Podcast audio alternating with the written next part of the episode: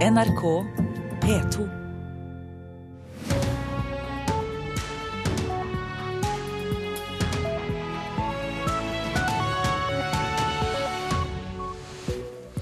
Her skal Øystein Heggen ta deg gjennom Nyhetsmorgen. Vi har disse sakene. Colombianske myndigheter og landets nest største geriljagruppe ELN skal starte fredsforhandlinger. Samsung stopper alt salg av mobiltelefonen Galaxy Note 7 av sikkerhetsgrunner.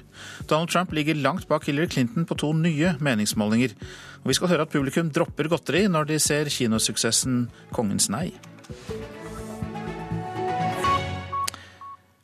Ja, Colombianske myndigheter og landets nest største geriljagruppe ELN skal altså starte fredsforhandlinger, og de setter seg til forhandlingsbordet i Ecuadors hovedstad 27. oktober. Det bekrefter partene i en pressemelding i natt.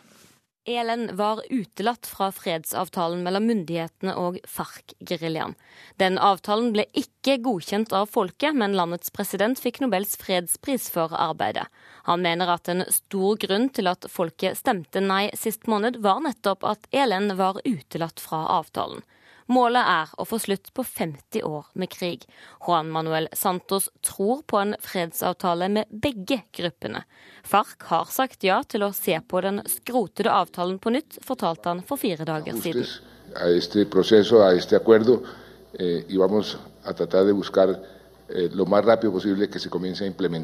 Allerede i mars var det også snakk om fredssamtaler med ELN, men planen falt sammen da gruppen bortførte en kjent politiker. I forbindelse med de nye forhandlingsplanene har geriljagruppen sluppet fri tre gisler, og de lover å slippe to til de neste ukene. Sa reporter Elise Høisel Asbjørnsen. Samsung stopper i dag alt salg av mobiltelefonen Galaxy Note 7 av sikkerhetsgrunner. De anbefaler alle som har kjøpt telefonen om å slå den av umiddelbart. Årsaken er at batteriet i telefonene kan eksplodere eller ta fyr. And uh, my, my phone's on fire. Michael Clearing fra Kentucky viser frem telefonen sin. Den er helt ødelagt. Den nye Galaxy Note 7-mobiltelefonen begynte plutselig å brenne. The phone's supposed to be the, the replacement, so you thought it was safe. It wasn't plugged in, it wasn't anything, it was just sitting there. Hendelsen var skremmende for Clearing og en rekke andre av Samsungs mobilkunder. Uten forvarsel har telefonene deres tatt fyr eller eksplodert, og de aner ikke hva som er årsaken teknologiekspert Jonathan Rubini tror det kan være en feilkonstruksjon med batteriet. Some argue that the battery being so large in terms of uh, milliamps, as well as the size being so small, might have been Samsung stanser nå alt salg av sin toppmodell, og ber 2,5 million kunder om å slå av mobiltelefonene sine umiddelbart. De går rundt med noe som kan være farlig.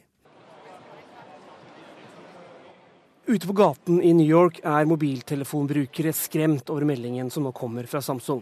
Sarah Cannon er en av dem som synes det ikke er særlig fristende å gå rundt med en liten brannbombe i jakkelommen.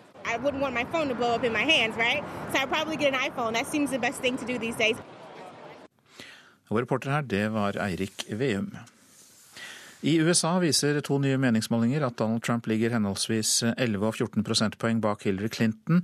Han har tapt mye oppslutning de siste dagene. Disse målingene er gjort etter opptaket med Trumps eh, vulgære omtaler av kvinner, som ble offentliggjort eh, før helgen, men før gårsdagens debatt. Det er stor uro i det republikanske partiet, der mange frykter at de kan tape flertallet i både Senatet og Representantenes hus dersom Trump ikke klarer å gjenreise presidentkampanjen sin. I'm Tom Nelson, and I approve this message. Mike Gallagher says we have to support Donald Trump. I moved in her like a I couldn't get there, and she was married. When you're a star, you can do anything. Grab him by the Demokratene smir mens jernet er varmt. Dette er en blodfersk reklamevideo foran kongressvalget i delstaten Wisconsin. Velgerne får se klipp fra skandalevideoen med Donald Trump, og budskapet er deretter. Mike Gallagher still says we have to support Donald Trump. No, we don't. We don't have to support Mike Gallagher either. Mike Gallagher sier vi må støtte Donald Trump, men det må vi ikke. Og vi trenger ikke stemme på Gallagher heller. Republikaneren Mike Gallagher er en av mange utsatte representanter som kjemper for gjenvalg til Representantenes hus. Der har republikanerne et stort flertall i dag. Og det blir stadig sett på som sannsynlig at de vil beholde det etter valget. Men siden alle de 435 i Kongressen skal gjenvelges, kan det få konsekvenser dersom republikanske velgere rømmer fra Donald Trump og kanskje lar være å stemme. En annen kongressrepresentant fra Wisconsin bekymrer seg mye for dette. And it is a troubling situation. I'm serious, it is.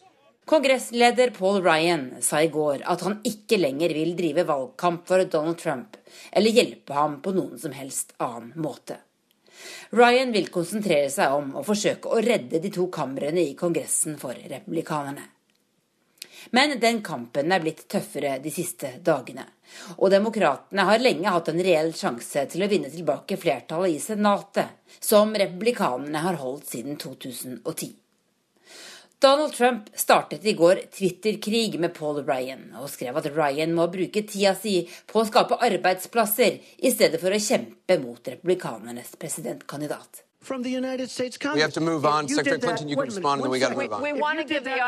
Debatten mellom Trump og Clinton natt til i går sjokkerte mange amerikanere, og blir sett på som den styggeste og mest usaklige i amerikansk valghistorie. But if I win, I am going to instruct my attorney general to get a special prosecutor to look into your situation. Trump sa bl.a. at han vil forsøke å få satt Clinton i fengsel dersom han blir president. Noe også mange republikanere reagerte på i går. I går kveld sa imidlertid generalsekretæren i partiet, Rance Priebus, at partiapparatet fortsatt står på Trumps side og vil kjempe for at han skal vinne. Dusinvis av republikanere i Kongressen har imidlertid brutt med Trump de siste dagene.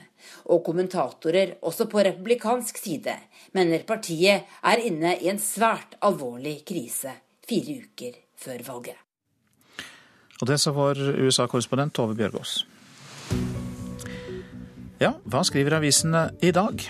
Politiet og Forsvaret klarer ikke å samarbeide, de må øve hver for seg. Det kan vi lese i VG.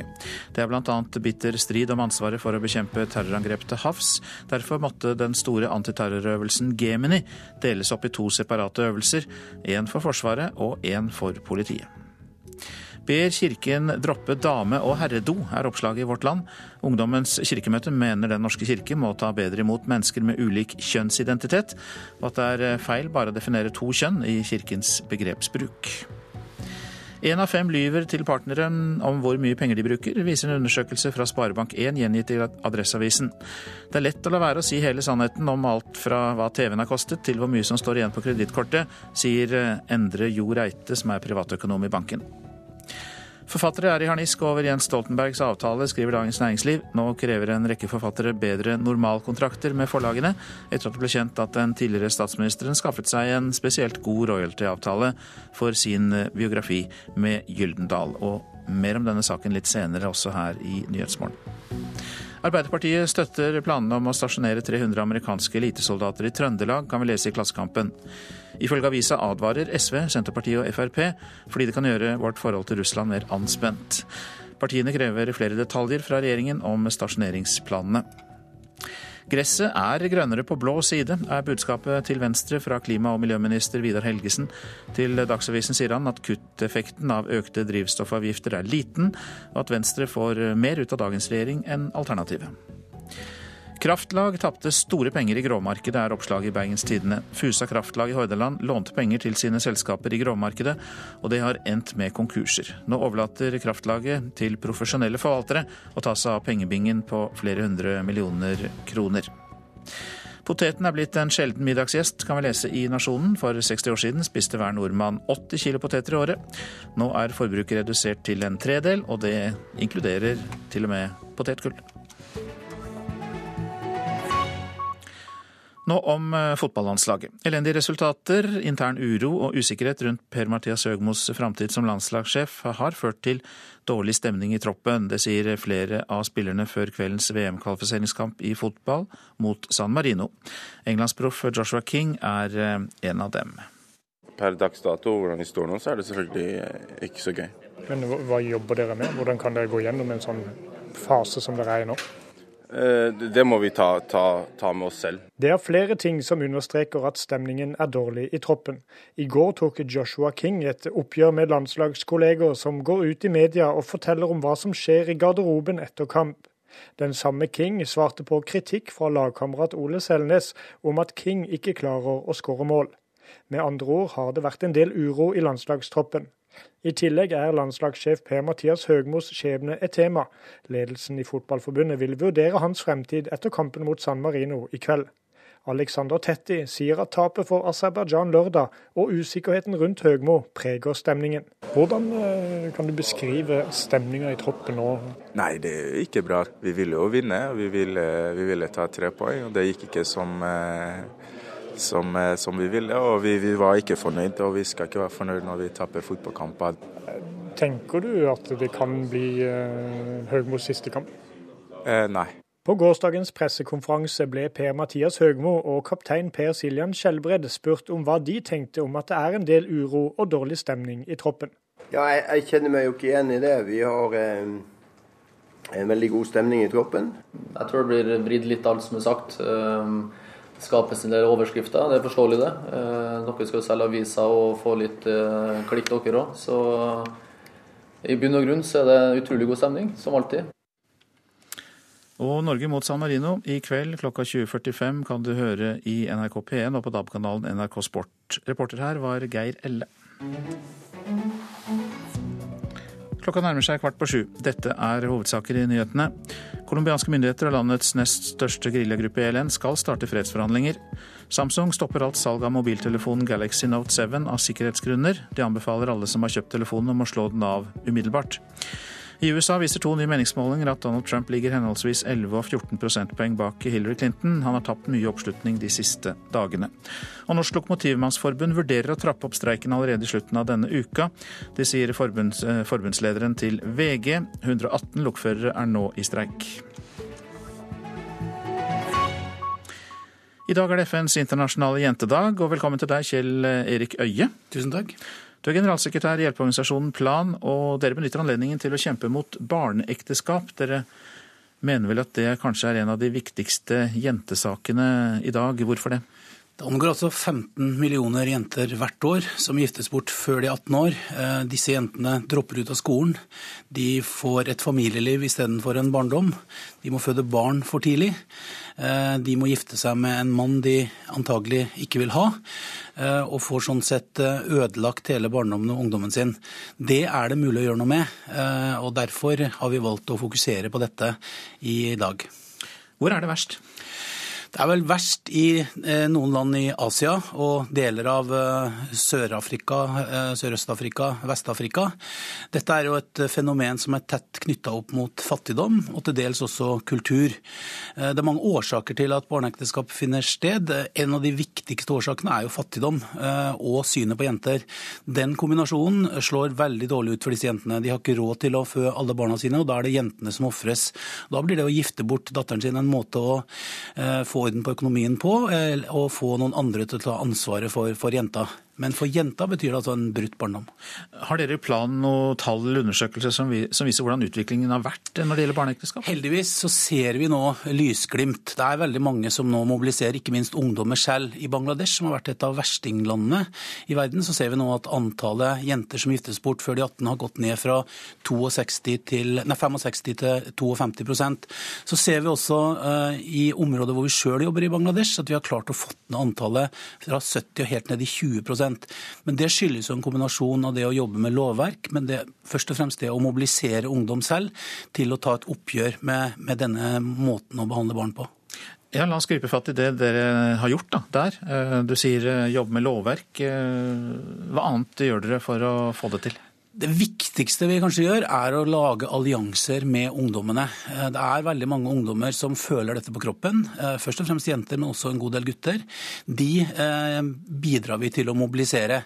Noen steder jobber de med å snakke med foreldre, noen steder griper de faktisk inn i barneekteskap. I tillegg til det så prøver vi å alliere oss med lokale autoriteter. Det kan være stammehøvdinger i afrikanske land f.eks., som også har stor autoritet.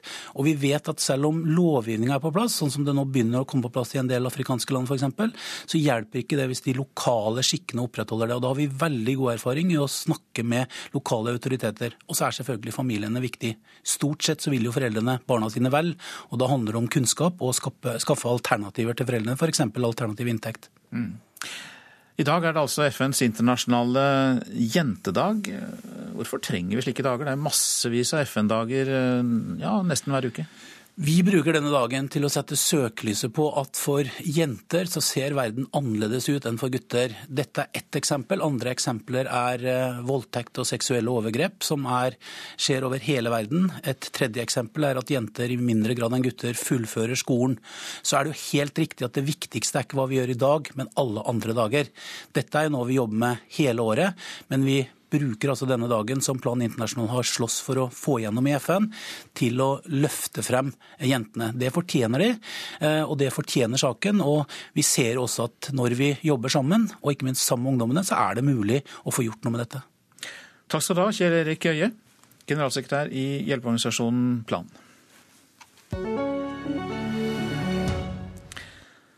Norske annonsekroner flyttes jo eh, vekk fra tradisjonelle medier over til Google-eide YouTube, eh, men eh, tre av fire norske barn under 18 år bruker YouTube utenlig, ukentlig, viser en ny rapport fra TNS Gallup. Og den reklamen de ser der, den kan være ulovlig, mener BI-forsker Monica Wiken. På Sotra f.eks. får tusenvis av barn møte Norges største YouTube-stjerne, Prebz og Dennis live. Disse barna har sittet time etter time foran skjermen og sett Preps og Dennis gjøre videostunts og spille Minecraft. Og innimellom har de fått med seg reklamen som Jesper Valvik Larsen på ti år. Det er en sånn dame som eh, driver og skriker og sånn. Sånn melkesjokolade. Endelig har Jesper fått sett sine forbilder live. Nå jakter han på en autograf. Køen er jo evig lang. Tre av fire norske barn under 18 år bruker YouTube ukentlig, viser ny rapport fra TNS Gallup. Vi lever jo av reklame. Det er det YouTube er. Det forteller Dennis Vareide til NRK Brennpunkt, men det er problematisk, synes han. Selv om vi ikke prøver å lage barnekontent, så er vi fullt klar over at det er masse barn som ser på. Det kan man ikke se vekk fra, og det vet vi jo. Og det er jo et lite ansvar å tenke på det òg. Eh, og da er det jo litt sånn eh, visse ting vi ikke gjør men denne reklamen kan være ulovlig, hevder ekspert på markedsføringsloven Monica Viken på BI. På TV er det forbudt med reklame rettet mot barn. På YouTube er det lov, men det skal være merket tydelig, sier BI-forskeren. Hun har sett mange eksempler som er ulovlige. Fordi det bakes inn i historier, det bakes inn i fortellinger, ting de gjør. Eh, de lager gøyale stunt. Um, basert på produkter de har fått betalt for å reklamere for. Og det er ikke tydelig nok. Og det er klart at barna her, i tilfeller der de har et sånn heltforhold til eh, youtuberne, så, så vil jo den tilliten være så sterk at de må være ekstra forsiktige. Forbrukerombudet er de som tolker og håndhever markedsføringsloven. De har ennå ikke grepet inn mot noen youtubere. Og Bente Øverli, innrømmer at de sliter. Det er ganske ressurskrevende å skulle føre tilsyn med så mange aktører og drive saksbehandling. Vi har jo hatt mange saker mot bloggere tidligere. Eh, og sånn er det jo alltid. At når vi som en tilsynsmyndighet med 28 mennesker innenfor alle markeder skal, skal eh, prioritere, så må vi tenke hvor skal vi gå inn? Vi kommer til å gripe mer inn i det. Til slutt ble det autograf til Jesper Valvik Larsen. Og til en til. Kan dere ta en, til, en med til en venn? Ja, du tar på få Takk. Og reporter var Marie Hasselgaard. Vi legger til at du kan se mer om eh, YouTube-generasjonen i Brennpunkt i kveld, på TV altså, klokka 21.30. Norsk eh, faglitterær forfatter- og oversetterforening, NFF, vil forhandle med forlagene for å få bedre avtaler og høyere godtgjørelse for sakprosaforfattere. Ifølge Dagens Næringsliv så har Gyllendal forlag gitt Jens Stoltenberg høyere royaltysats enn det som er avtalt mellom eh, norske forlag. Og Det viser at det er behov for bedre vilkår for sakprosaforfatterne, sier generalsekretær i NFF Tore Slåtta. Vi ønsker i utgangspunktet de samme vilkårene som de skjønnlitterære forfatterne har. Ønsket har vært der lenge, men nå er timingen god for generalsekretær Tore Slåtta i Norsk faglitterær forfatter- og oversetterforening, NFF.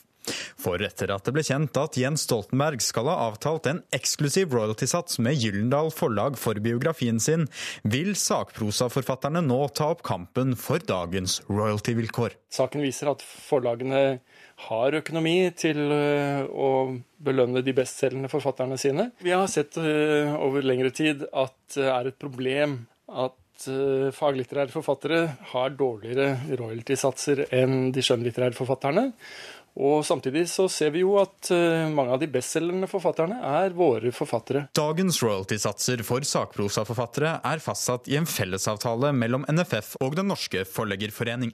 Og administrerende direktør i Den norske forleggerforening, Kristen Einarsson, sier han gjerne vil sette seg ned med NFF rundt forhandlingsbordet. Vi er alltid villige til å ha dialog med våre avtalepartnere. Og hvis man vil sette seg ned og drøfte avtalevilkårene, så vil jo vi fremme de nødvendige krav vi mener man må få endret for at forleggeriet skal kunne utvikles på et ordentlig vis. Og hvis da forfatterne har en annen tilnærming, så må vi sette oss ned og drøfte hva, hva som eventuelt bør gjøres av endringer. Per i dag forhandler NFFs forfattere ut ifra en normalkontrakt på 13% royalty for et opplag på 3000 eksemplarer.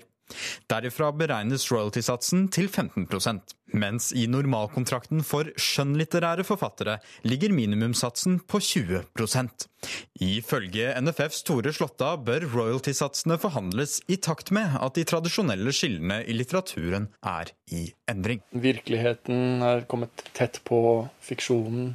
Fiksjonen er opptatt av å være dokumentarisk. Og mange sakprosaforfattere er opptatt av å vise at de er litterære. Hvis de faglitterære skriver like god litteratur og samme type litteratur som de skjønnlitterære, så er det jo ingen grunn for at ordningene skal være vesentlig forskjellige. Generalsekretær i NFF Tore Slåtta. Reportere var Tanita Vassås Kveino og Brage Berglund. Det er en blandet fryd for kinoene at 'Kongens nei' er blitt årets mest sette film etter bare to uker på lerretet. For publikum, som strømmer til for å se historien om kong Haakon som sto opp mot tyskerne, kjøper nemlig mindre godteri og snacks i kiosken enn det publikum gjør på andre filmer. Og salget i kioskene er viktig inntektskilde for kinoene. Vi skal se på 'Kongens nei'. Bestefar! Du gir meg. Finner du pigene? Han hjelper han gammel med. Mer enn 420 000 har så langt gått på kino for å se Erik Poppes krigsepos. Men filmen er ikke en popkornfilm. Når vi besøker Ringen kino i Oslo før en seniorvisning, er det stille i kiosken. Espen Lundberg Pedersen er salgs- og driftsdirektør i Nordisk Film Kino. Han forklarer hvorfor. 'Kongens nei' er en eh, film som trekker veldig mange som til vanlig ikke går på kino, eh, til kinosalene.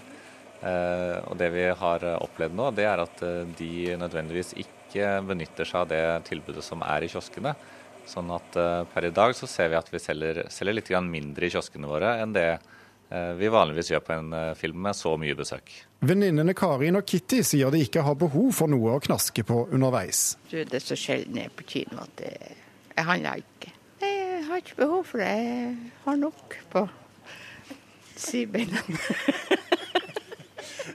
jeg går sjelden på kino, så det blir ikke så mange poser på meg. Heller ikke Reidar Karlsen pleier handle i kiosken før han går inn i kinomørket. Svært lite hvis jeg har med barnebarn, så. Men uh, alene så gjør jeg sjelden det. Hvorfor ikke det? Nei, jeg har ikke lyst på noe. det, den tiden er over hvor jeg sitter og gnasker godteri på kino. Ja. Selv om snacks og godteri er tilleggshygge for publikum, er det mer en nødvendighet for kinoene, sier Espen Lundberg Pedersen. Kiosken er helt avgjørende for uh, god kinoøkonomi, og vi er helt avhengige av å ha et uh, godt uh, salg i kioskene våre for å kunne investere i god teknologi og utvikling i kinosalene våre. Og kinosaler har Nordisk Film Kino i 14 norske byer. Du skulle ikke tilfeldigvis vite om en ikke-visumvei til Russland? En ikke-visumvei? Nå setter Pedersen sin lit til at Børning 2 skal få fart i kiosksalget igjen. Filmen har premiere denne uken, og trekker trolig et noe yngre publikum enn Kongens nei. På Burning 2 så eh, forventer vi å selge vesentlig eh, mye mer av både popkorn og drikke og andre varer som eh, den målgruppen ønsker å nyte sammen med filmen. Vågenkjørt. Vognkort? Vågenkjørt. Do you have no slingringsmonn at all? Så da får kinoene holde ut. Det kommer filmer som trekker mer godtelystent publikum. Espen Alnes og Thomas Alverstein Ove var reportere. Vi tar for oss værvarselet. Østafjells nordøstlig liten kuling på kysten av Aust-Agder. Skyet, kan hende litt regn på Sørlandet, ellers oppholdsvær og en del sol i indre strøk. Vestlandet får mye pent vær i dag, men det kan ligge lokal tåke først på dagen. Nordøstlig liten kuling blir det på kysten av Møre og Romsdal på ettermiddagen. Trøndelag og sør i Nordland veldig kort varsel, pent vær. Eh, nord i Nordland der blir det tilskyende, kan hende litt regn ytterst på kysten. Og vi går til Troms og til eh, Finnmark. Økende sørvestlig vind fra mm, formiddagen, stiv kuling på kysten vest for Nordkapp. Om kvelden også stiv kuling utsatte steder i Øst-Finnmark. Det blir tilskyende i Troms og Finnmark, og etter hvert litt regn fra vest. Og Spitsbergen, der blir det også litt regn i dag. Vi tar med oss temperaturene målt klokka fem.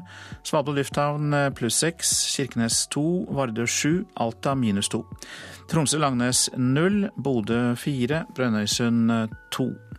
Trondheim-Værnes null, Molde to, Bergen-Flesland fire. Stavanger fem, Kristiansand-Kjevik sju. Gardermoen tre grader. Så kommer det noen minusgrader her. Det er minus to både på Lillehammer og Røros. Og så var det Oslo-Blindern. Der var det pluss fem grader for to timer siden. Klokka har passert 7.15. Dette er hovedsaker. Regjeringen foreslår et sterkere vern for varslere, men Politiets Fellesforbund advarer fortsatt medlemmene mot å varsle om kritikkverdige forhold før det kommer et varslerombud.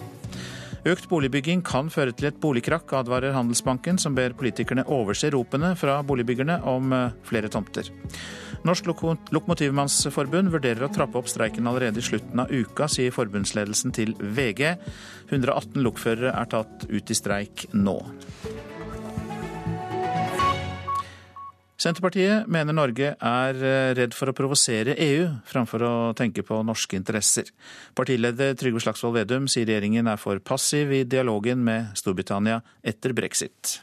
Vi har jo en selvstendig røst, og da må vi også tørre å bruke den. Så vi syns det er rart at regjeringa er så passive, så forsiktige og så EU-servile som de nå er i denne runden. Den norske regjeringen avviste en invitasjon fra Storbritannia om et mulig samarbeid om en ny frihandelsavtale når britene forlater EU.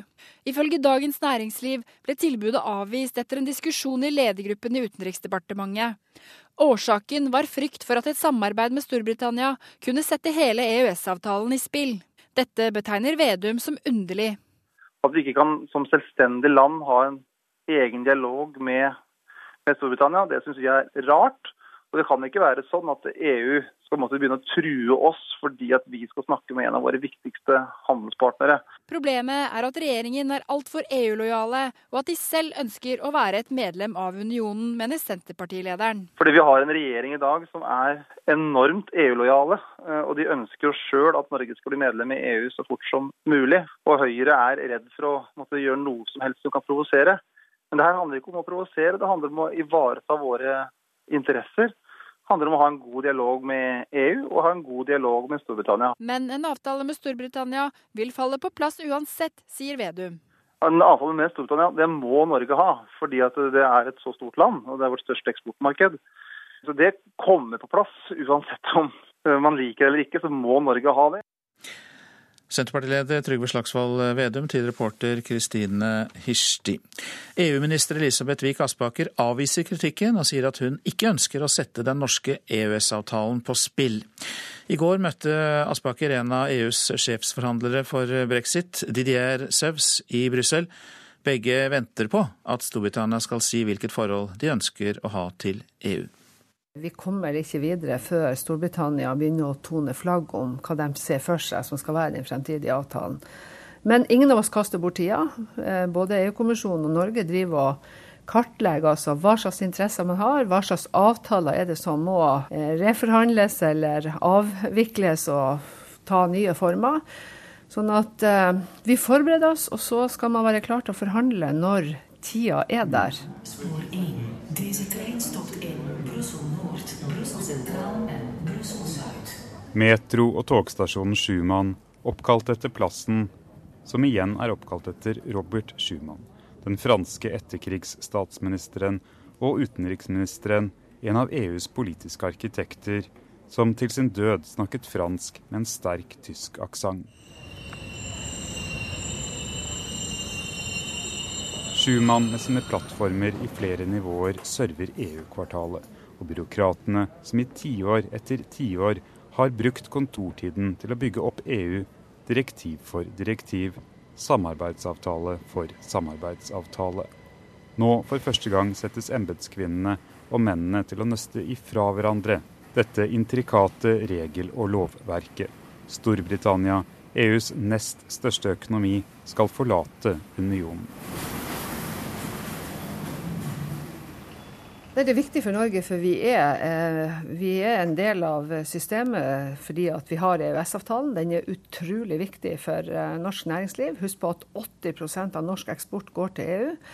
Eh, og Derfor så er det viktig for oss å sikre oss at vi har god dialog med, med EU-kommisjonen og med EU. Men det er også viktig for oss å ha god dialog med Storbritannia, for vi skal jo i etterkant av at de har forlatt EU, også få på plass en norsk avtale med Storbritannia. En kort sving til høyre ut av Schumannplassen ligger Norges hus.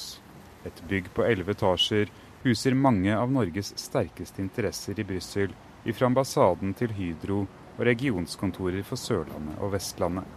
Her møtte Elisabeth Wiik Aspaker en av EUs sjefsforhandlere for brexit, Didier Søvs. Klart at Man føler vel at man sitter liksom litt på vent, for at det er Storbritannia som nå sitter med, med nøkkelen til å få i gang forhandlingene i Brussel. Det var Norge som hadde bedt om en orientering for å få vite mer om hvordan EU ser brexit-prosessen videre. Norges EU-minister avviser kritikken ifra de i Norge som mener Norge må innta en mer aktiv posisjon, for å undersøke hvilke muligheter brexit gir, både i forhold til Storbritannia, men også for å se på hele EØS-avtalen på nytt. Jeg forstår mindre og mindre hva slags ærend eh, Senterpartiet er ute i. For Hvis du lytter til norsk næringsliv nå, så har de ett budskap. Sørg for å holde og beholde EØS-avtalen. Vi trenger ikke mer usikkerhet, men vi trenger forutsigbarhet, og det kan EØS-avtalen gi oss. Og Derfor er det regjeringas politikk at EØS-avtalen ligger fast.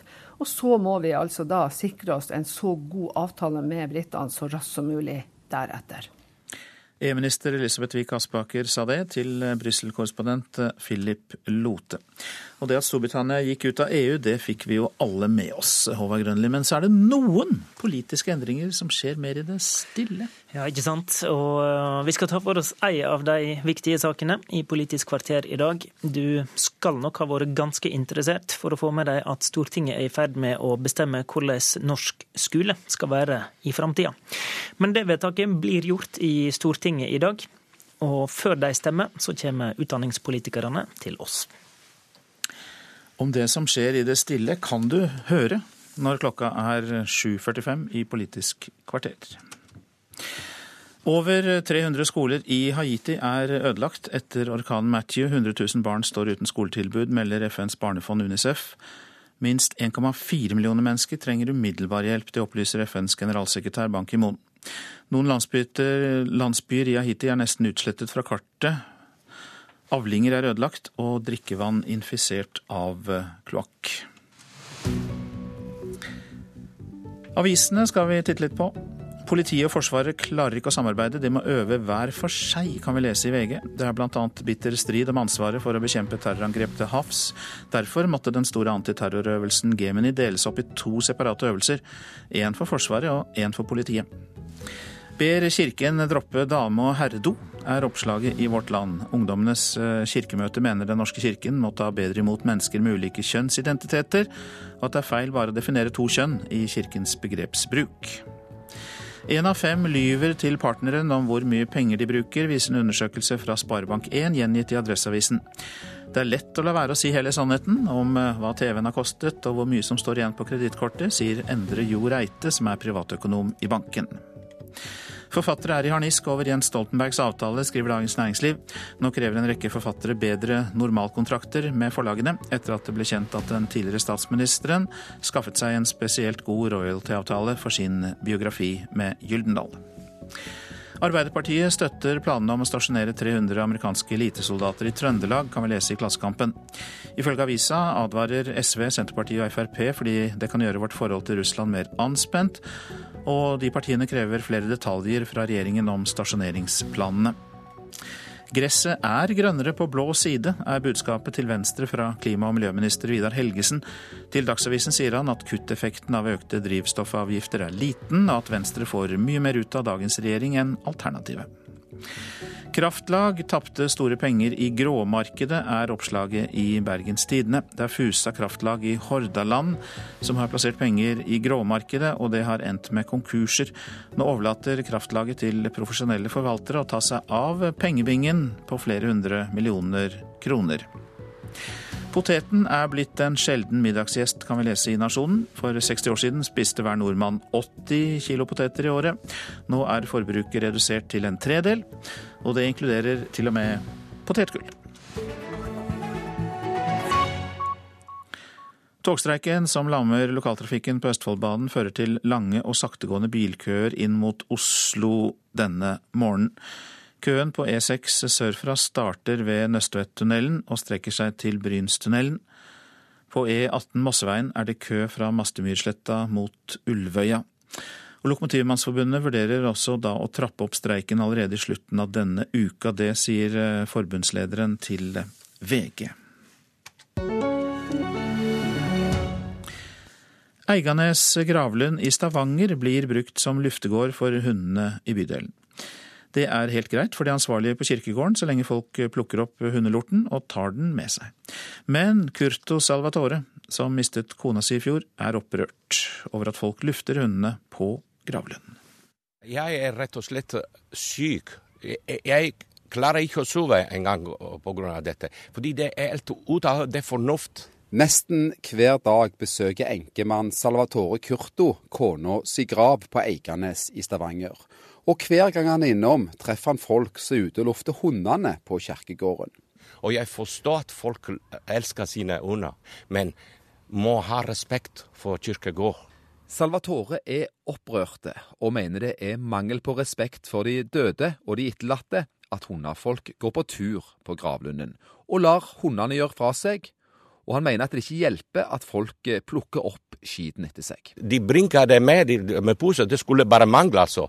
Men akt i seg sjøl, handling i seg sjøl, er det respektløst mot de som er gravd her, og mot de slektninger. Iallfall de som har litt peiling om moral. Men vi har jo for så vidt et regelverk i dag som gir anledning for folk eh, å ha hunder på gravlunden. Sier Per Øyvind Skrede, gravlundsjefen i Stavanger. Han sier at hunder er velkomne på alle de ni kirkegårdene i byen. Men eh, her finnes jo regler for hvordan hundene skal opptre sammen med eier når de er inne på gravlunden. Men er det greit å bruke kirkegårdene i Stavanger som luftegård for hunden? Altså, eh, Luftegård, at han går rundt og kun har som formål at han skal gå og gjøre fra seg, det er nok noe som man ikke ønsker skal skje. Men det er jo det som skjer? Ja, og det, hvis det skjer, og uten at han tenker på å ta med seg det som han har lagt ifra seg, så er det klart det er ikke et regelverk. Hva har du gjort med dette du for å prøve å få en Sette skiltene. Jeg prøvde å sette to ganger skiltene, men gang på gang på hvert inngangen. Gang på gang de har flyttet den. De hjemmelagte skiltene Salvatore Curto har hengt opp, er blitt fjerna. Men han gir seg ikke, for han mener han har rett. Jeg tror at de, de fleste nordmennene er enige med meg, altså. Jeg har vært nå tross alt i 42 år i dette land, og jeg kjenner Norge mye bedre enn mange andre ungdommer. Jeg reiser som musiker over hele landet. Og jeg vet at det finnes mange, mange, de fleste har et fornuftig moralprinsipp. Fins det hunder på kirkegårdene i Italia? Aldri. Aldri. Hvis noen gjør det, da blir rett og slett eh, eh kastet ut. Men aldri fordi folk har det inni seg at det er et hellig sted å bringe seg på. Mm. Det er helt vanlig. Ja, Det mente Curto Salvatore, og han snakket med reporter Johan Mile Laugaland. Tidlig skolestart og seine treningstimer ødelegger for søvnen til de unge, mener søvnforsker og professor Mari Hysing. Ungdom som skal vokse og lære trenger nok søvn, men for Hysing er det vanskelig, eh, sier hun, slik hverdagen er lagt opp i dag. Og eh, norske ungdommer sover i snitt to timer for lite per natt, eh, sier hun, som fraråder mobiltelefon, TV og PC på sengekanten. For første gang på 20 år er to kandidater fra opposisjonen i Hviterussland valgt inn i parlamentet. Mer om det etter Dagsnytt. Og hva skal norske barn lære i framtida? Politisk kvarter samler utdanningspolitikere fra Arbeiderpartiet, Høyre og Venstre til debatt sammen med Utdanningsforbundet. Produsent i dag for Nyhetsmorgen Marit Selmer Nedrelid. I studio Øystein Heggen.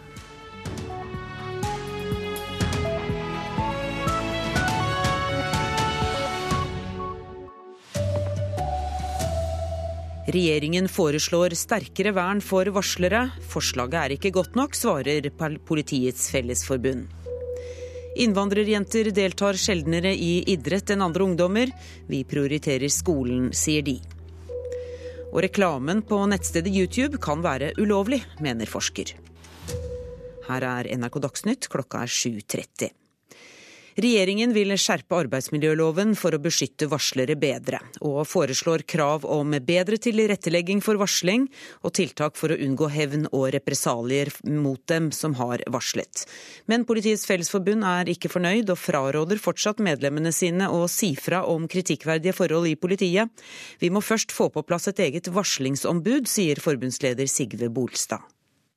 Det er en ikke ønska situasjon slik som det er per i dag. Og det er fullt mulig å gjøre noe med det. Regjeringa sendte før sommeren ut forslag til endring av arbeidsmiljølova sine regler om varsling. Mellom annet at arbeidsgiverne skal legge til rette for varsling, at varslerne skal få lovfesta rett til anonymitet også overfor partene i saker.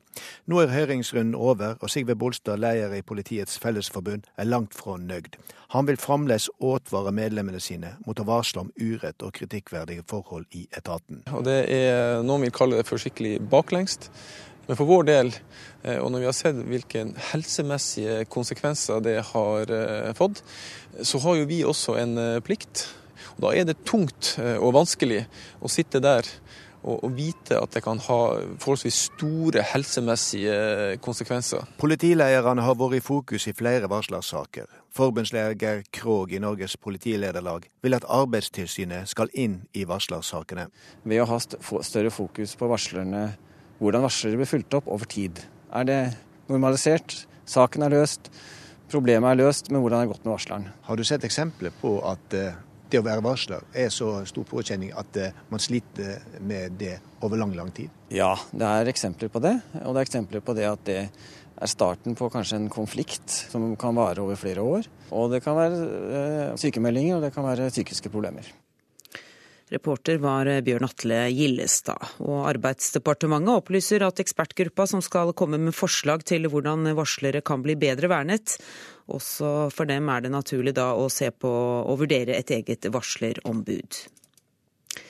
Tenåringsjenter med innvandrerbakgrunn er langt sjeldnere med i organisert idrett enn andre ungdommer. Det viser en ny stor undersøkelse fra Oslo. Det handler mye om at foreldrene ikke har fått god nok informasjon, mener Sara Jaber. Hun er aktiv i Furuset idrettsforening i Oslo. Der har de greid å få med mange innvandrerjenter. Foreldrene har vært veldig opptatt av trygghet, eh, av å vite egentlig hva deres barn er med på. Eh, og den tryggheten har vært eh, litt sterkere og viktigere når det har vært snakk om jenter, kontra når det har vært snakk om gutter. Mens tenåringsgutter med to innvandrerforeldre nesten like ofte er med i organisert idrett som andre gutter, er innvandrerjenter i tenåra langt sjeldnere med enn andre jenter. En årsak er at de mener de må prioritere skolen, sier forsker Guro Ødegård ved NOVA. Det vi ser er at jenter i større grad enn guttene oppgir at skolearbeidet tar mye tid, og at de prioriterer det foran idretten. Det er få av jentene som oppgir at foreldrene er mot at de driver med idrett.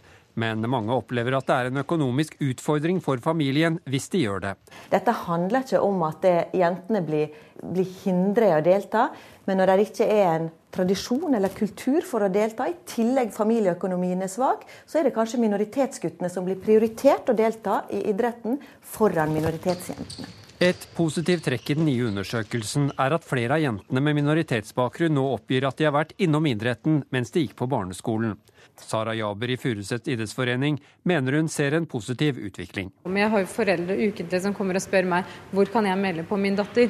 Og for syv år siden så hadde det vært veldig, veldig spesielt, fordi det var ikke så veldig vanlig at foreldrene selv oppsøkte. Reporter var Tom Ingebrigtsen. Samsung stopper i dag alt salg av den nye mobiltelefonen Galaxy Note 7 av sikkerhetsgrunner. Selskapet ber alle som har kjøpt denne telefonen om å slå den av umiddelbart. Batteriet i telefonen kan eksplodere. And, uh, my, my Michael Clearing fra Kentucky viser frem telefonen sin. Den er helt ødelagt. Den nye Galaxy Note 7 mobiltelefonen begynte plutselig å brenne. The phone's supposed to be the, the replacement, so you thought it was safe. It wasn't plugged in, it wasn't anything, it was just sitting there. Hendelsen var skremmende for Clearing og en rekke andre av Samsungs mobilkunder. Uten forvarsel har telefonene deres tatt fyr eller eksplodert, og de aner ikke hva som er årsaken. Teknologiekspert Jonathan Rubini tror det kan være en feilkonstruksjon med batteriet. Some argue that the battery being so large in terms of uh, milliamps, as well as the size being so small, might have been Samsung stanser nå alt salg av sin toppmodell, og ber 2,5 million kunder om å slå av mobiltelefonene sine umiddelbart. De går rundt med noe som kan være farlig. Ute på gaten i New York er mobiltelefonbrukere skremt over meldingen som nå kommer fra Samsung. Sierra Cannon er en av dem som synes det ikke er særlig fristende å gå rundt med en liten brannbombe i jakkelommen.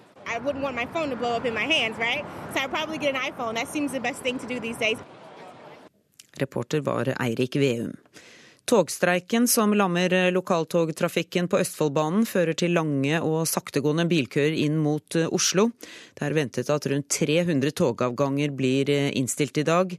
118 lokførere er tatt ut i streik, og Norsk Lokomotivmannsforbund sier til VG at de vurderer å trappe opp streiken allerede i slutten av denne uka. Økt boligbygging kan føre til boligboble, advarer Handelsbanken. Banken ber politikerne overse ropene fra utbyggerne om flere tomter. Men det er vi som kjenner behovet best, mener Obos-sjefen Daniel Sirai, som vil bygge mer. Det var ei voldsom interessentliste. Ja, det var interessenter og uh... Den ble tatt på forkjøpsrett, eller? Nei. Nok et boligsalg ingen trodde var mulig for bare et drøyt halvår siden. Gikk over takst? Ja. Også Obos-sjefen ble overrasket. Ja, 34 kvadrat, da. 650 000 over takst. Oi. Vi trenger mer bolig raskt, er budskapet fra han og de andre utbyggerne. Ikke så fort, sier sjeføkonom i Handelsbanken Kari Due Andresen. Hennes analyser viser at Oslo ikke trenger voldsomt mange nye boliger.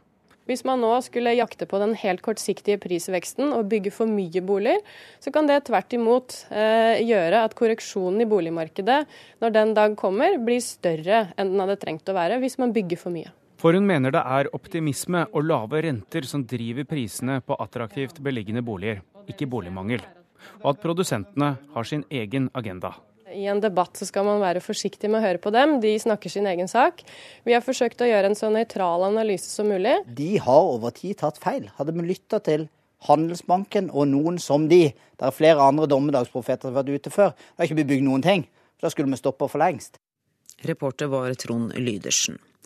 Reklamen på nettstedet YouTube kan være ulovlig, det mener BI-forsker Monica Viken. Ifølge en ny rapport fra TNS Gallup bruker tre av fire norske barn under 18 år YouTube ukentlig.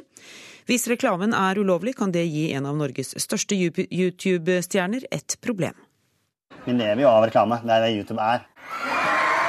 Disse barna som endelig fikk møte sine forbilder på Sotra, har sittet time etter time foran skjermen og sett Preps og Dennis gjøre videostunts og spille Minecraft. Og innimellom har de fått med seg reklamen som Jesper Valvik Larsen på ti år. Det er en sånn dame som eh, driver og skriker og sånn. Sånn melkesjokolade. Hjelp deg i jakten på kyrne. Tre av fire norske barn under 18 år bruker YouTube ukentlig, viser ny rapport fra TNS Gallup. På TV er det forbudt med reklame rettet mot barn.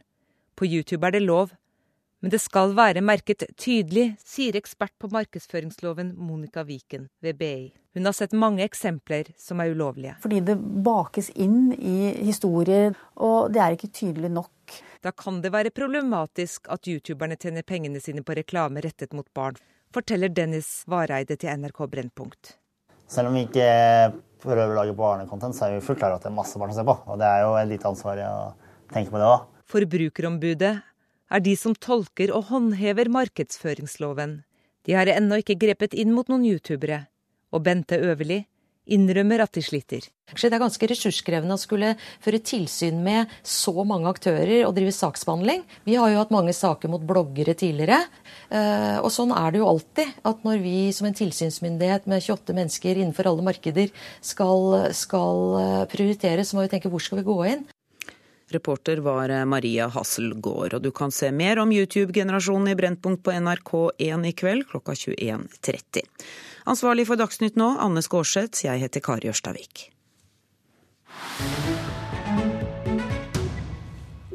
Dette er eh, Nyhetsmorgen. For første gang på 20 år er to kandidater fra opposisjonen i Hviterussland valgt inn i parlamentet. Det er bare et spill for galleriet fra landets president Aleksandr Lukasjenko, mener kritikerne.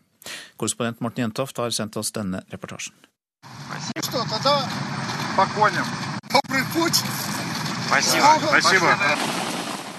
Det er slik han liker å framstille seg, 62 år gamle Aleksandr Lukasjenko, Hviterusslands president siden 1994. Kledd i en skinnjakke og med sin tolv år gamle sønn Nikolai på baksetet, sitter han på en stor motorsykkel i forbindelse med at nesten 3000 motorsyklister 24.9 samlet seg i den hviterussiske hovedstaden Minsk for å markere at årets sesong går mot slutten.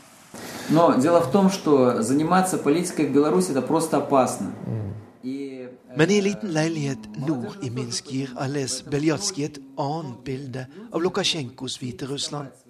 Det er rett og slett farlig å være i opposisjon til myndighetene, sier Beljatskij, og snakker ut ifra egen erfaring. I 2011 ble han arrestert og dømt til fire og et halvt år i fangeleir, formelt for å ha unndratt skatt for penger han hadde mottatt fra utlandet i forbindelse med sitt arbeid for politiske fanger i hjemlandet. Nå er han en fri mann. De fleste politiske fanger i Hviterussland er satt fri, samtidig som to personer med tilknytning til opposisjonen ved valget 11.9 ble innvalgt i det hviterussiske parlamentet. Это, был, это была неожиданность. Это, я даже не, настолько не ожидала, что мне был запланирован отпуск на 15 число. Anna Kanopotskaja er den ene av de to kandidatene som formelt ikke har tilknytning til de som sitter ved makten i Hviterussland, og som nå tar plass blant de 110 folkevalgte i det hviterussiske parlamentet, som holder til i en massiv bygning på Uavhengighetsplassen i sentrum av Minsk. Hun møter NRK ute på gaten foran parlamentet og forteller at det var en stor overraskelse at hun ble innvalgt fra et av valgdistriktene i hovedstaden Minsk. Anna Kanopotskaja er datter til en av Hviterusslands rikeste menn. Og hun mener det er for tidlig å si at det som skjedde 11.9, betyr at Hviterussland og Lukasjenko nå har slått inn på en vei mot demokrati.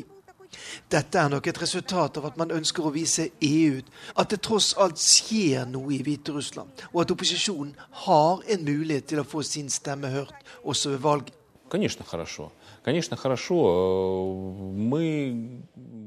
Jeg mener det er bra at opposisjonen nå har kommet inn i parlamentet, sier Dmitrij Sjevtsov, som nå tar fatt på sin andre periode som folkevalgt, og som støttespiller til regjeringen og president Aleksandr Lukasjenko. Han mener det er feil å si at valgene denne gangen ikke var rettferdige. Opposisjonskandidater som tapte i sine valgkretser, må innrømme sine nederlag, sier Sjevtsov. Som også mener at det som skjedde i forbindelse med valget i september, var et stort steg i riktig retning. Dette var rettferdige valg som tilfredsstiller internasjonale krav, sier Dmitrij Sjevtsov. Foran parlamentsbygningen sier en nyinnvalgt opposisjonskandidat Anna Kanapotskaja at det viktigste nå er å gi folk tilbake tilliten til at det er mulig å forandre sin virkelighet ved å velge inn nye personer i den lovgivende forsamlingen. Til nå har det vært slik at alt blir bestemt av president og regjering og kjørt gjennom parlamentet uten diskusjon. Det ønsker jeg å forandre, sier Kanapodskaja, som altså til manges overraskelse gjorde slutt på 20 år uten en eneste opposisjonsstemme i det hviterussiske parlamentet.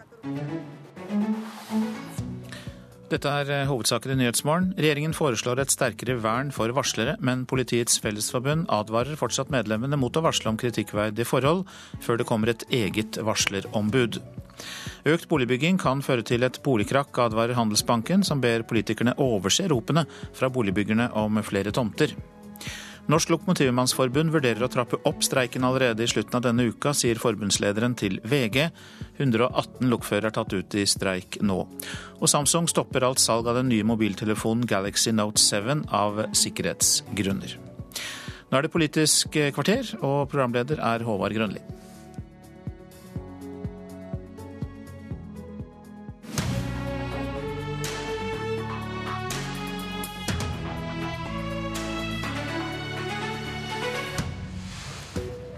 I dag vedtar Stortinget hvordan norsk skole skal se ut i framtida. Politikerne vil ha mindre overfladisk pugging og djupere læring med mer vekt på praktiske og estetiske fag. Ser vi en pendel som svinger tilbake? Litt i det stille har utdanningspolitikerne på Stortinget samla seg om en ny retning for hva norske barn og ungdommer skal lære i framtida. Vedtaket om fornying av Kunnskapsløftet skjer i Stortinget i dag. Det har absolutt vært usemje, og vi skal komme til noen av de detaljene. Men til og med Donald og Hillary klarte utfordringa om å si noe pent om den andre, så jeg tenkte vi skulle starte der, med de to store partiene. Kristian Bjørnø fra Arbeiderpartiet, saksordfører for saka i utdanningskomiteen. Hva vil du gi ros til Høyre for å være med på i dette skolevedtaket? Jeg mener at deler av stortingsmeldinga svarer veldig godt det som, på det som var utfordringa og utgangspunktet. Eh, for da Stoltenberg-regjeringa i 2013 satte ned Ludvigsen-utvalget, som skulle se på elevenes læring i framtidas skole, som er forløperen til den stortingsmeldinga som vi diskuterer i Stortinget i dag, eh, så var det to spor som vi var opptatt av. Det ene var at man skulle lage en skole som er tilpassa framtidas behov. Elevene som begynte på skolen i høst skal være i arbeidslivet til 2065-2070. Det stiller noen helt enorme krav til skolen. Eh, og vi må ha et læreplanverk som er tilpassa det. Det andre sporet eh, det handla mer om utfordringene vi sto overfor da, og fortsatt står overfor at det er for mange som dropper ut, eh, og at det er for mange som ikke lærer seg å lese, skrive og regne tidlig nok. Og meldinga svarer til en viss grad på en del av dette. Og det dere svarer godt på, det er jo det, de anbefalingene som Ludvigsen-utvalget kom med, som du var inne på innledningsvis også. Mer dybdelæring. Vi må gå fra at man pisker i over, plasker i overflaten, til at man går mer i dybden. Okay. Man må rydde i læreplanene. Færre mål, mer konkrete mål, som er lettere også å etterfølge. Det har dere klart, Henrik Asheim. Du sitter i utdanningskomiteen for Høyre. Eh, den samme utfordringa til deg. Hva liker du ved det Arbeiderpartiet stemmer for i dag? Er det noe jeg skal si at jeg har respekt for barna hans? ja, jeg tror det. Ja. det fins ikke. Nei, det er det. Dessverre. Nettopp. For norske barn, kanskje? Eh, men, eh, men, nei, vet du hva. Altså, man, jeg tror man skal se Når vi skal bli flinke i norsk skole, er å se litt i sammenheng. 2006 så kom Kunnskapsløftet, som var en kjempeviktig reform. Som eh, både stilte riktig diagnose og forskrev på mange måter riktig medisin. Man slapp lærerne mer fri som pedagoger, sa at de skulle ha metodefrihet, men man var tydelig på at man skulle ha klare kompetansemål og kartlegge kunnskapen til barna. Så er det sånn at nå har vi, Du spurte innledningsvis om pendelen, og jeg mener ikke at pendelen svinger her, men man skal justere kursen underveis. Og det vi kanskje har sett, er at det har blitt for mange kompetansemål. Altså Man har blitt så opptatt av at man skal eh, ha frie lærere, men med kompetansemål, at det har blitt, alt skal på en måte ha sitt eget mål. Eh, og det at vi nå skal rydde i dem, det syns jeg har vært veldig positivt at Arbeiderpartiet, men for så vidt hele komiteen har vært veldig konstruktive på. At hvis vi faktisk skal rydde, så må vi også prioritere, og det mener jeg at et samlet eh, skolepolitisk Norge nå står sammen om. Ok, Opprydding og prioritering. Steffen Handal, du er leder i Utdanningsforbundet, den største fagforeninga for lærere. Eh, Asheim problematiserte innledninga mi, men eh, du tror jeg ser eh, det vedtak som kommer i dag som et slags trendskifte i utdanningspolitikken. Hvordan er det du analyserer det som skjer? Jeg tror det som Kristian er innom innledningsvis, at Ludvigsen-utvalget, altså det som er forløperen til denne stortingsmeldingen, det, de ga egentlig Stortinget, eller regjeringen, råd om ny retning for norsk skole. og det Eh, det tror jeg vi får nå. Eh, dette er ikke Kunnskapsløftet 2.0, det er ny retning. Eh, det, Hva er det som er ny retning nå? Jeg tror det er ny retning for elevene på den måten at det blir færre mål, mer tid til fordypning, kanskje mer praktisk-estetiske fag. Det blir åpnet opp for at elevene skal ha mer å si, mener jeg, i, i fremtidens skole. For lærerne så vil det innebære mer handlingsrom, større tillit Eh, større armslag for å virkelig eh, tilpasse undervisningen til det som elevene er opptatt av. Og, og sånn sett færre mål, mindre fagtrengsel. Jeg er veldig fornøyd med det som KUF-komiteen har innstilt til Stortinget på. Dette vil gi god retning for norsk skole, som har støtte i lærerprofesjonen. Og på vei bort fra eh, styrings- og testregimet, nevnte du til meg på forhånd. Ja, det er, og det er, liksom, det er den andre siden av dette som er veldig viktig. Det understrekes ekstremt tydelig hvor helhetlig vi må tenke på elevenes læring det, det, det, det, slås litt på alarmklokken når det gjelder test- og kontrollregimet som har vært i norsk skole. Og man sier egentlig at det er tillit, og det er gjennom eh, det som skjer i klasserommet, at vi bygger på en måte fremtidens kompetanse hos elevene. Ok, Når det gjelder det området, så er vi ved et av usemjepunktene. Iallfall ville regjeringa ha flere eksamener. Asheim, hvorfor det? Ja, det Vi sa at vi ønsker at eh, elevene i 10. klasse i ungdomsskolen skal ha eksamen i norsk, matte og engelsk. I dag så trekkes du opp i et av fagene. Slik det, blir det ikke? Eh, slik blir det ikke. Det er bare Høyre og Fremskrittspartiet som stemmer for det, og det syns jeg er synd. Eh, ikke fordi det er om å gjøre av flest mulig eksamener, men fordi jeg syns det er synd at når du da sant, Vårt mål er at når du begynner på ungdomsskolen faktisk i 8. klasse, så vet du hva du skal opp i i 10. klasse. Og dermed så vil du jo på en helt annen måte også forberede den eksamen. Det er noe urettferdig. Vi har alle sittet i den aulaen og håpet mm. på å ikke bli trukket opp. Og det vi ønsket var å gå bort fra det. Alle skal opp i de tre basisfagene. Iselin Nybø, du er Venstres utdanningspolitisk talsperson. Støttepartiet Venstre vil ikke støtte regjeringa på å innføre flere eksamener, som Asheim skildra her. Eh, hvorfor ikke det? Nei, Det er flere grunner til det. Eh, og Én ting er jo at eh, vi i dag vet at norske elever scorer sånn helt på altså middels på, på, internasjonale tester. Og jeg tror at grunnen til det er ikke fordi vi har for få tester i norsk skole i dag. Det kanskje hjelpe å vite at du kommer opp i eksamen? Da? Ja, men Det handler litt om hvordan vi bruker pengene i norsk skole. Er det sånn at vi får mer læring ved å bruke pengene på flere tester? Jeg tror ikke det. Eh, jeg mener òg at testing handler mye mer enn det du kan prestere bare i den lille tidsperioden der eksamen er, som skjer på én dag over noen få timer. Vi må tenke litt større, litt bredere om kunnskapssynet. Og så mener jeg at eh, hvis vi skulle hvis alle elevene skulle kommet opp i alle de tre fagene, så ville det medført en dreining eh, i undervisningen og i skolen sitt, sitt, fokus over på de tre fagene. Eh, og det er ikke nødvendigvis det som jeg mener er positivt. Jeg mener vi må ha et bredere kunnskapssyn. Og Når det gjelder bredere kunnskapssyn, Bjørnø, Bjørne, så gir Stortinget i dag regjeringa i oppdrag å styrke de praktisk-estetiske fagene. Hvorfor det? Nei, fordi vi mener at stortingsmeldingen sånn som den ble presentert, ikke svarte godt nok eh, på en styrking av de praktiske estetiske fagene. Men hvorfor er de fagene viktige? Nei, De fagene er viktige. De har en egenverdi eh, i at de, eh, de har en, et dannelsesmoment i seg, i seg sjøl. Eh, med at du skal lære innafor kunst og håndverk, musikk f.eks. At det er konkrete kompetansemål eh, mål der. Og så fyller de en rolle i skolen som betyr noe litt annet. En litt annerledeshet. Eh, det er eh, for mange eh, Hvis du tenker norsk, matte og engelsk, så er det, et, det, kan være et snevert syn på læring. De praktiske, estetiske fagene kan bidra til et bredt læringssyn. Det er f.eks. ganske mye, mye, matte i sløydsalen. Det er for eksempel, kan være ganske mye norsk i musikkundervisninga. Og her handler det om å kunne se helheten, se bredden, og at summen av det bidrar til å styrke elevenes læring i norsk skole. Asheim, har vi sett for snevert på dette under og vært for opptatt av basisferdighetene de siste ti årene?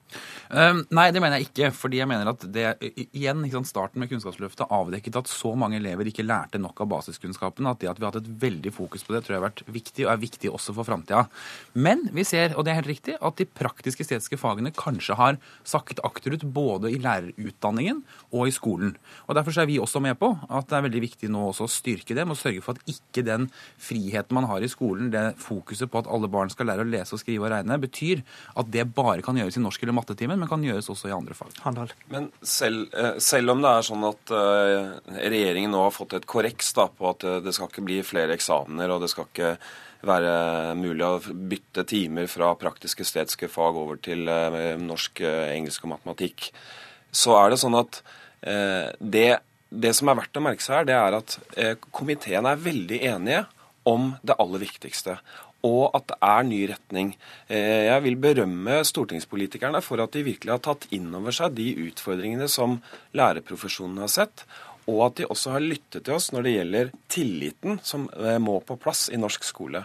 Eh, det understrekes veldig tydelig at det er lærerne som må forvalte Eh, læreplanverket og omsette det i arbeidet med barna.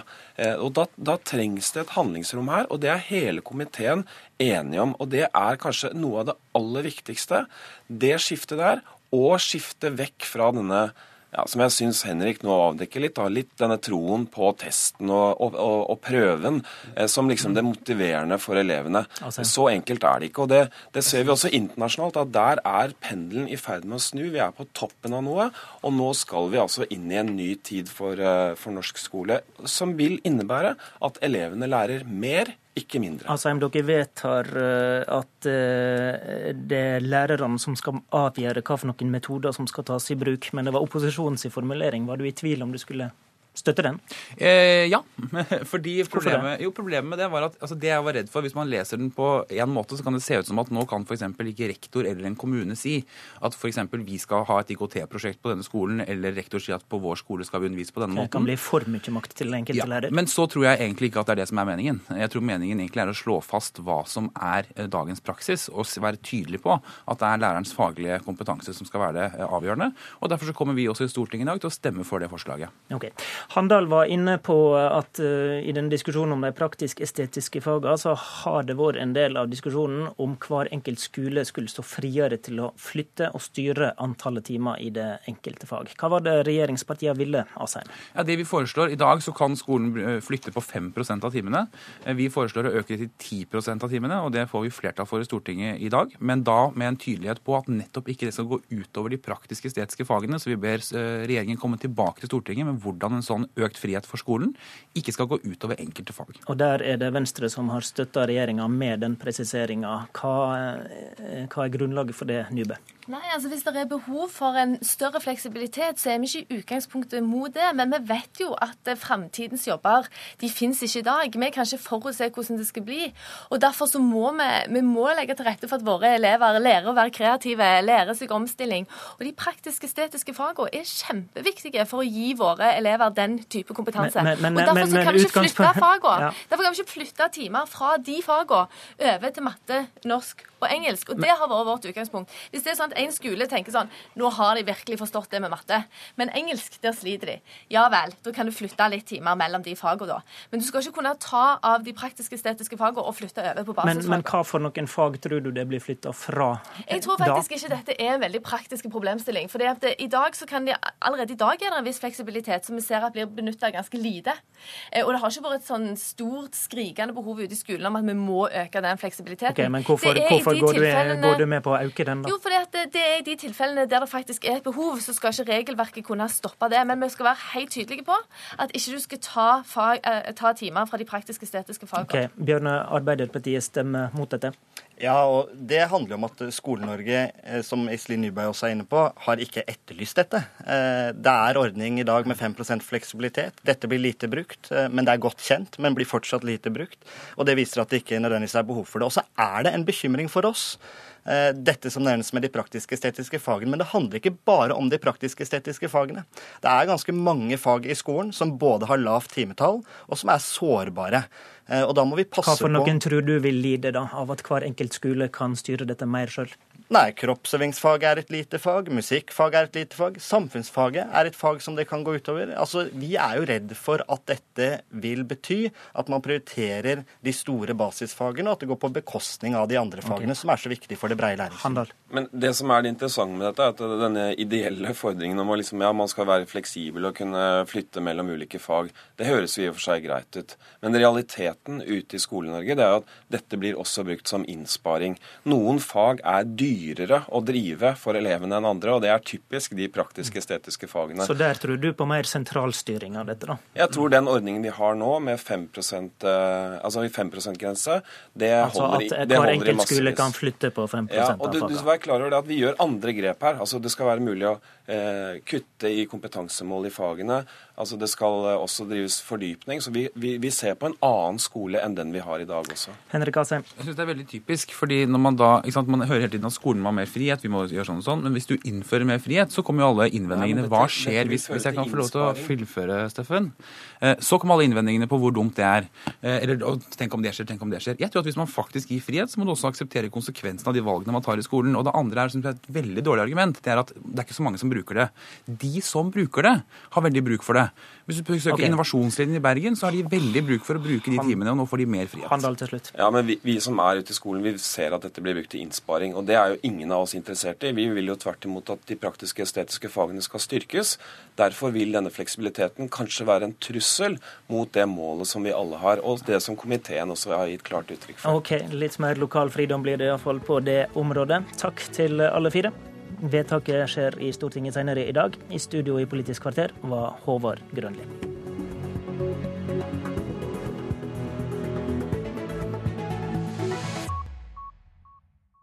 Hør flere podkaster på nrk.no podkast.